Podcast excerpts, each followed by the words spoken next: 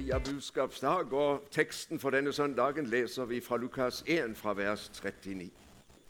Noen dager senere dro Maria av sted og skyndte seg opp i fjellbygdene, til den byen i Juda hvor Zakaria bodde.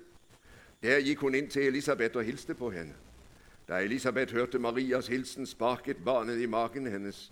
Hun ble fylt av Den hellige ånd og ropte høyt:" Velsignet er du blant kvinner, og velsignet er frukten i ditt mors liv. Men hvordan kan det skje at min Herres mor kommer til meg? For da lyden av din hilsen nådde øret mitt, sparket barnet i magen min av fryd. Og salig er hun som trodde, for det som Herren har sagt henne, skal gå i oppfyllelse. Slik lyder Herrens ord. Noen besøk er viktigere enn andre. Det har du opplevd, det har jeg opplevd. Det hendte at noen banket på, og du ble forskrekket, og så skjønte du det noe spesielt på gang når du så hvem som sto der. Men få besøk er så viktige at de rett og slett blir referert i Den hellige skrift. I dag så møter vi et besøksreferat som altså har funnet sin plass i Bibelen. Og Det sier vel noe om at dette besøk var noe utover det vanlige. Det interessante er at i utgangspunktet så er det besøk som refereres, egentlig tilsynelatende veldig hverdagslig. At to kvinner møtes, og at begge to er gravide, det hender vel til og med i Vennesla, tenker jeg. Jeg ser nokså mange unge mødre som trekker barnevogn sammen når jeg ferdes i Grimstad. Og det sier meg noe om at de som går hjemme og har eh, permisjon pga. fødsel, eh, de nok finner sammen. Eh, disse hadde ikke født enda, men Maria hadde altså fått høre om Elisabeth, og dermed så dro hun av sted. Og så er Det det første jeg har lyst til å stanse for i denne tekst, for det er veldig interessant.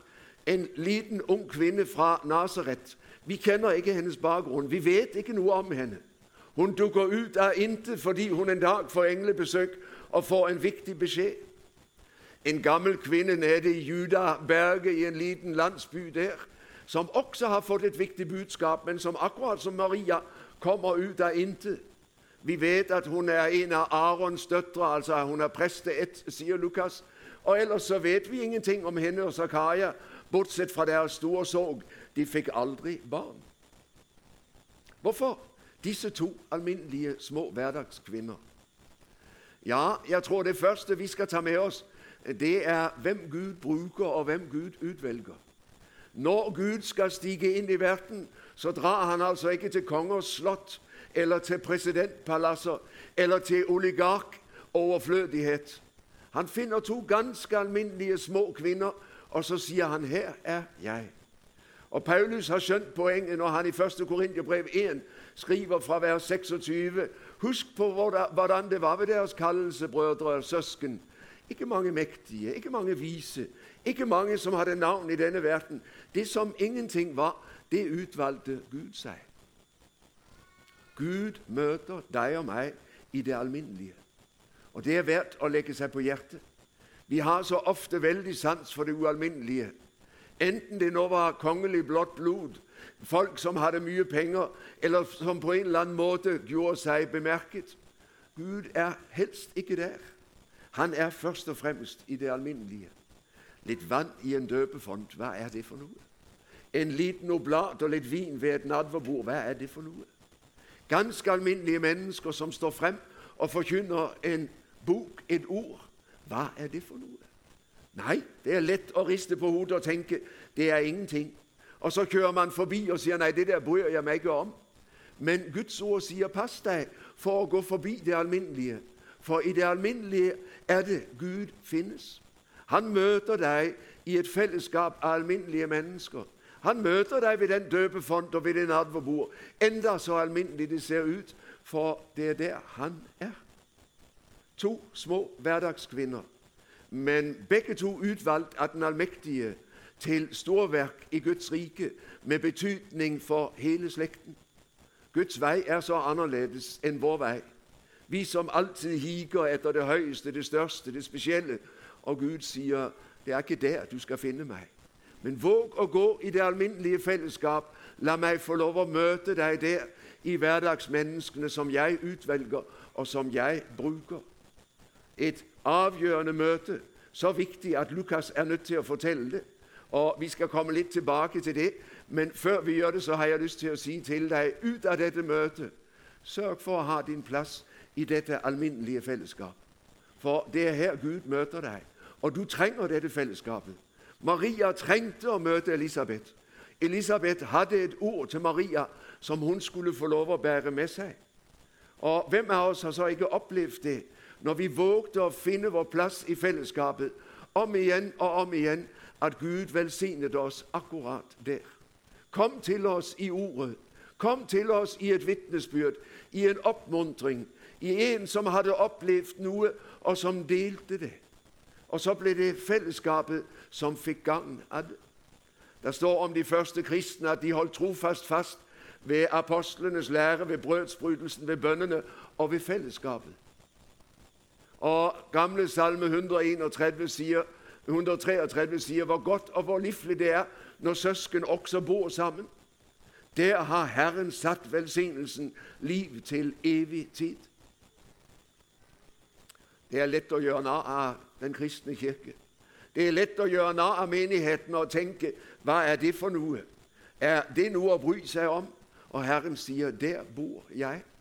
For jeg bor i en levende kirke av levende stein, og der er det jeg har satt velsignelsen og det evige liv. De holdt fast ved fellesskapet. Det er aldri noe sunnhetstegn når troende mennesker blir borte fra fellesskapet. Det er slett ikke et tegn på en sterk tro når du klarer deg alene. Mye mer er det et tegn på at det er noe galt med kristenlivet ditt. Det er noe du ikke har fått tak i. For troen leves ut i fellesskapet. Der henter jeg det jeg trenger til, og der deler jeg det jeg selv har fått. Og så styrker vi hverandre på troens vei frem mot troens mål. Min venn, la det være et kjennetegn på deg at du sammen med Maria og Elisabeth har sans for fellesskapet.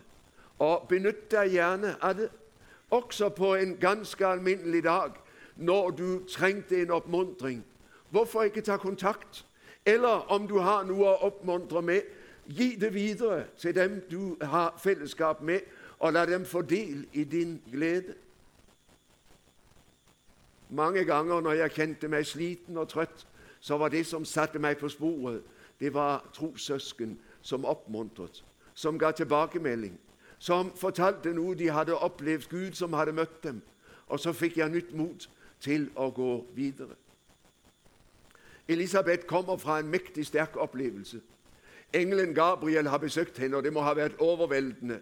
Og vi skjønner at hun er aldeles betatt. Men samtidig har hun fått en meget krevende beskjed. For hun har fått å vite at hun skal føde Guds sønn, Guds Messias. Hun som ikke vet av mann. Og det skjønner både hun og vi, at det er krevende for ei ung jente å bli gravid når det ikke er noen mann inne i bildet. For hva vil ikke ryktene si? Hvordan vil ikke sladderen gå? Foreldrene, hva tenker de? Josef, hva tenker han? Bygda, hva tenker de? Og med tanke på det som venter henne når hun føder barnet, og han blir voksen, og hans skjebne, så skjønner vi Maria hun trenger hjelp. For selv om hun har hatt englebesøket, så trenger hun noen flere som kan bekrefte henne. Gabriel gir henne et fingerpikk. Han sier til henne i sin melding til henne også din slektning Elisabeth venter en sønn på sine gamle dager. Hun som de sa ikke kunne få barn, er allerede i sjette måned, for ingenting er umulig for Gud. Jeg tror ikke det er tilfeldig at Gabriel sier det til Maria. Det er både en viktig opplysning, men det er også et fingerpekk. Maria, ta en tur til Elisabeth. La henne få lov å bekrefte deg i det budskap du nå har fått. Det står i Det gamle testamentet at enhver sak står fast ved to og tre vitners ord. Og Her er det som om Gabriel ønsker å si til Maria Hent et vitne til, og la henne bekrefte det jeg har sagt til deg, slik at du kan holde fast ved dette vanskelige som ligger foran deg, og slik at du kan få mot til å møte det. Og så drar den unge Maria noen dagsreiser fra Nasaret ned i Judafjelland for å møte slektningen Elisabeth. Og møtes på overveldende vis når hun kommer, av en utrolig hilsen fra den eldre kvinnen som hun skal besøke. Det er Maria budskapsdag. Hva betyr det? Det betyr det er Kirkens kvinnedag fremfor noen. Og vi trenger den. For denne dagen kommer og sier Gud bruker kvinner akkurat som han bruker menn. Alle har han bruk for. Kvinnen er så visst ikke verken mindreverdig eller mindre brukbar. Tvert om. Herren starter i verden via en kvinnes kropp. Kvinnen er viktig i forsamlingen. Og Maria budskapsdag kommer og sier til deg som er kvinne, ikke tenk smått om deg selv. Ja, Gud er så stor at han kan bruke skrøpelige mannfolk, men han kan sannelig også bruke kvinner i sin tjeneste. Maria og Elisabeth, la det få lov å bekrefte deg i din tjeneste der hvor Herren har satt deg. Og vær gjerne klar over det er noe kvinner kan i forsamlingen som menn ikke kan, f.eks. å føde. Så kvinnen har på noen punkter rett og slett fortrinn for mannen når det gjelder å gjøre Guds gjerning. Disse to kvinner, den unge og den gamle, utfyller hverandre i det tjenestekall som Gud har gitt dem. Og Det er nyttig å ta med seg i en tid som dyrker det unge, det vakre, det vellykte. Denne teksten sier også du som er eldre, har Gud bruk for. For ham er alle likeverdige. Han kan bruke både ung og eldre. Ingen skal bruke alder til å unnskylde seg bort fra tjenesten. Den unge Jeremia sa 'Jeg er for ung'. Nei, sa Herren, 'jeg kan bruke deg'. Den gamle Moses fikk et tilsvarende kall og sa 'Jeg kan ikke tale, jeg skal gi deg en som kan tale for deg'. Og så måtte den gamle Moses gå, og Gud brukte både Moses og Jeremia, både Elisabeth og Maria. Han bruker de unge, og han bruker de eldre. Her er ingen som skal jages ut fordi de ikke er brukbare lenger. Gud kan bruke hvem han vil. Hun fikk en veldig bekreftelse. Det var lurt å dra. La du merke til hva Elisabeth sa til henne? Velsignet er du blant kvinner, og velsignet er frukten i ditt mors liv. Men hvordan kan det skje at min Herres mor kommer til meg? Og så har Maria allerede idet hun trer inn av døren til Elisabeth, fått den bekreftelsen hun trengte. Nei, det var ikke noe hun innbilte seg, synet, Gabriels besøk.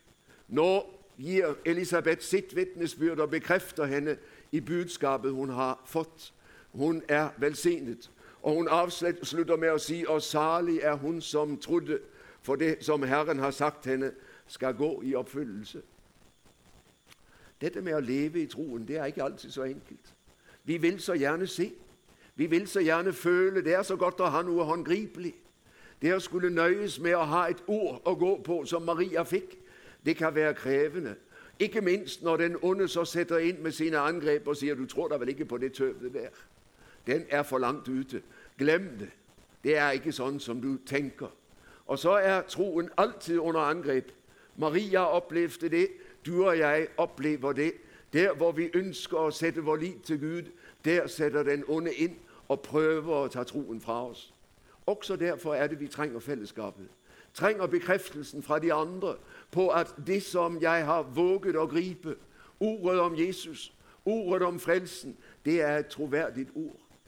Vi opplever alle å komme inn i landskap hvor tvilen vil ta oss, hvor vantroen vil overvelde oss, og hvor det er fristende å tenke nei, jeg får gi meg og trekke meg tilbake, for, for dette kan ikke bære, det kan ikke være sant.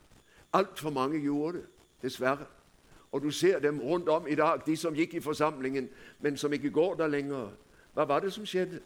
Det ble for vanskelig å holde fast på det ordet sa, å leve i troen. Derfor trenger troen de hjelpemidler Gud gir. Og det fantastiske er at Gud underveis gjennom livet gir deg og meg små himmelhåndtrykk. Nei, troen kan ikke bevises frem, men overbevisning kan skapes gjennom det at Gud møter meg.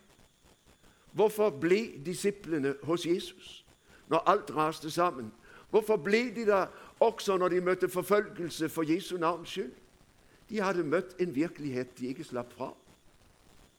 Jeg har akkurat lest igjen i min bibellesning beretningen om forklarelsen på berget. Hvorfor tok Jesus med seg Peter, Jakob og Johannes opp på fjellet og lot dem få et glimt av hans herlighet der han talte med Moses og Elia om sin utgang i Jerusalem? Jeg er ikke i tvil. Det var et himmelhåndtrykk når alt nå snart raste sammen. Når korset ble virkelighet, så skulle det Peter, Jakob og Johannes hadde sett på fjellet, holde dem fast, slik at de ikke ga opp, slik at de ikke gjorde som Judas. Og så er det det under vi opplever underveis som troens folk, ikke at Gud beviser seg frem, men at du og jeg i krisen opplever at Herren plutselig møtte meg i et ord, i et salmevers, i en god venn som kom til meg med oppmuntring. Maria får den startfestelsen hun trenger, så hun kan fortsette på den korsveien som Herren har ført henne inn på. Ja, for det er en korsvei. Det er en vei som eh, betyr mye smerte. Den gamle Simeon sier det til henne. Også din sjel skal et svært gjennomtrenge. Maria, dette kommer til å koste. Herrens vei er alltid dyrebar på den måten at det koster å bekjenne troen i denne verden. Derfor kommer Herren meg i møte med oppmuntring for å holde meg fast i troen. Ikke alltid var det meg som fikk det. Kanskje var det en av de andre som fikk det, men jeg trengte det, jeg også. Og Derfor er det flott når jeg reiser og møter mennesker som deler av det Gud har opplevd, for jeg kjenner det styrker min tro. Gud har møtt andre, og han har satt spor, og jeg kjenner jeg behøver den slags vitnesbyrd. Så får vi det forskjellig. Gud handler individuelt med oss. Og Her skal vi ikke sette mønstre for hverandre. Men Maria lærer oss det er lurt å oppsøke når Gud peker på fellesskapet. Det er lurt å gå dit Gud peker, for han har noe godt til deg der. Velsignet er du, Maria, og salig er du som trodde, og det skal bli oppfylt, det som du trodde. Gud gir Maria Elisabeth som den oppmuntring, som det håndtrykk hun trenger til, slik at hun våger å bli i det kall hun har fått, og fullføre den tjenesten hun er kalt inn i. Vi trenger oppmuntringene, og Maria fikk dem. Enda en ting har jeg lyst til å stanse ved i denne teksten. To ganger nevnes det at fosteret hopper eller springer i Elisabeths mors liv. Der er tydelig veldig bevegelse i det mors liv når Maria trer nærmere. Mange av oss har opplevd det underveis i livet når vi kom i den situasjonen at det var barn underveis, at vi så at det rørte seg i morslivet. Kanskje la en hånd på magen og kjente hvordan fosteret sparker. Livet er der. Og jeg tror vi trenger det ord, kanskje mer enn noen gang før, inn i en kultur som nedvurderer og forakter fosteret. Det slår meg at mange i disse årene er fryktelig opptatt av dyrevelferd. Jeg skulle ønske at de som er så opptatt av dyrevelferd, ville være like opptatt av det ufødte barns velferd. Men det merkelige er at også politiske partier som snakker mye om dyrevelferd, aldri nevner fosteret og det ufødte liv. Det er som om det er prisgitt. Det er ikke verdt noen ting. Og vi har fått tudet ørene fulle om at det er en celleklump, og at det er kvinnens, og at hun kan gjøre med det som, det vil, som hun vil. Og Skriften sier nei. Hva er fosteret? Det er Guds gave, og det er Guds under. Det er Gud som skaper liv. Ikke for at vi skal husere med det, ikke for at vi skal sette oss til herre over det. Nei, hvorfor kaller Gud frem det svake? For at vi som er sterkere, skal tjene det svake. Det var det som var Guds kall. Og Derfor ser vi om igjen og om igjen at Gud stiller seg på det svakeste side i Skriften. Han er enkers forsvarer og farløses far. Han er den som bøyer seg til de svakeste og sier 'jeg tar ansvar for dem'. Så ligger det et kall i dagens evangelietekst til å stille opp for det svakeste liv, det ufødte liv. Og huske Gud er der også. Det er veldig interessant hva Elisabeth sier. Hun sier 'Barnet sparket i magen min av fryd'. Hvordan nå Elisabeth kunne vite det? Men det vet hun altså. Det er gledestegn når dette barnet sparker i møtet med ham som det skal tjene. Forløperen som allerede på denne måten varsler at det er ham Maria bærer, som er den det egentlig dreier seg om. Og Det er god sammenheng mellom Lukas 1 og Johannes 3. Når Johannes-disiplene kommer til Johannes og sier nå er det flere som søker til Jesus enn til deg, så trer eh, Johannes et skritt tilbake og sier det er uh, min glede at brudgommens venner går til ham. Det er ham som skal vokse, jeg skal avta. Allerede denne beretningen i Lukas 1 sier hvordan uh, rekkefølgen er, og hvem som er viktigst av disse to. Men begge har de en viktig tjeneste i Guds rike å fullføre. Og allerede som foster er altså Johannes døperen i gang med sin tjeneste. For en lykke at det ikke var noen abortmulighet for, for Elisabeth og Maria. For en lykke at de bar frem barna sine. Og så tenker jeg hvor mange Johanneser var det som ikke fikk lov å leve fordi mennesker satte stopp og nektet det ufødte liv livsrett. Og dette er utfordrende. Men la oss glede oss over enhver liten Maria som får mot til å bære frem det liv som hun kanskje ikke hadde ønsket, som kanskje ble påført henne uten at hun ville det. Og så tar hun ansvar, og så er hun med til å sørge for at livet får livsrett, at det får lov å leve.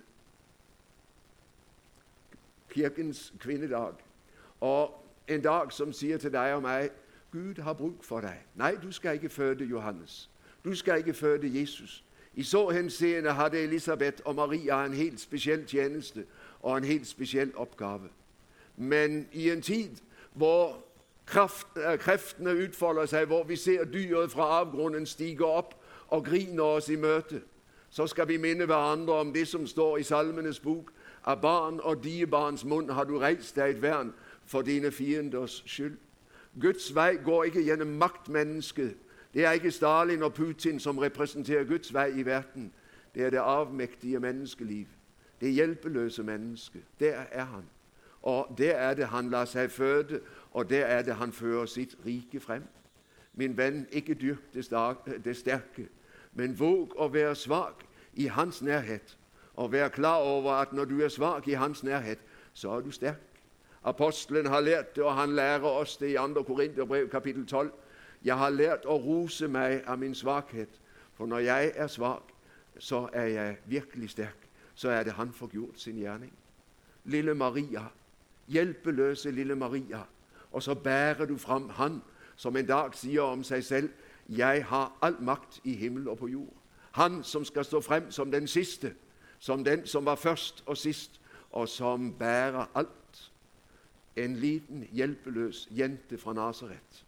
Men Gud er der og gjør storverk. Et lite menneske fra Vennesla. Hva betyr vel jeg? Hva kan jeg gjøre? Salig er hun og han som trodde, for det skal skje sånn som de trodde. Gud skal oppfylle ordet sitt. Min venn, våg å holde fast ved den troen Gud har skapt i ditt hjerte. Og så betyr du noe der hvor Gud har satt deg. Og så skal du verken være Maria eller Elisabeth. Du skal være deg med det Gud har gitt deg, og det er som sådan Gud bruker deg og æres gjennom deg. Min venn, gå av sted og la ham få lov å bruke deg. Still deg til rådighet. Finn din plass i fellesskapet og gå som med det Gud gir deg. Det er dagens kall, og Gud sier, 'Jeg går med hele veien'. Herre Jesus, gi oss mot til å følge deg på korsets vei. Gi oss mot til å tjene med det du har gitt oss, også når vi kjenner på avmakten og på mislykketheten. Herre, hjelp oss til ikke å dra oss tilbake, men stille oss til rådighet. Og fullfør så din tjeneste gjennom oss. Amen.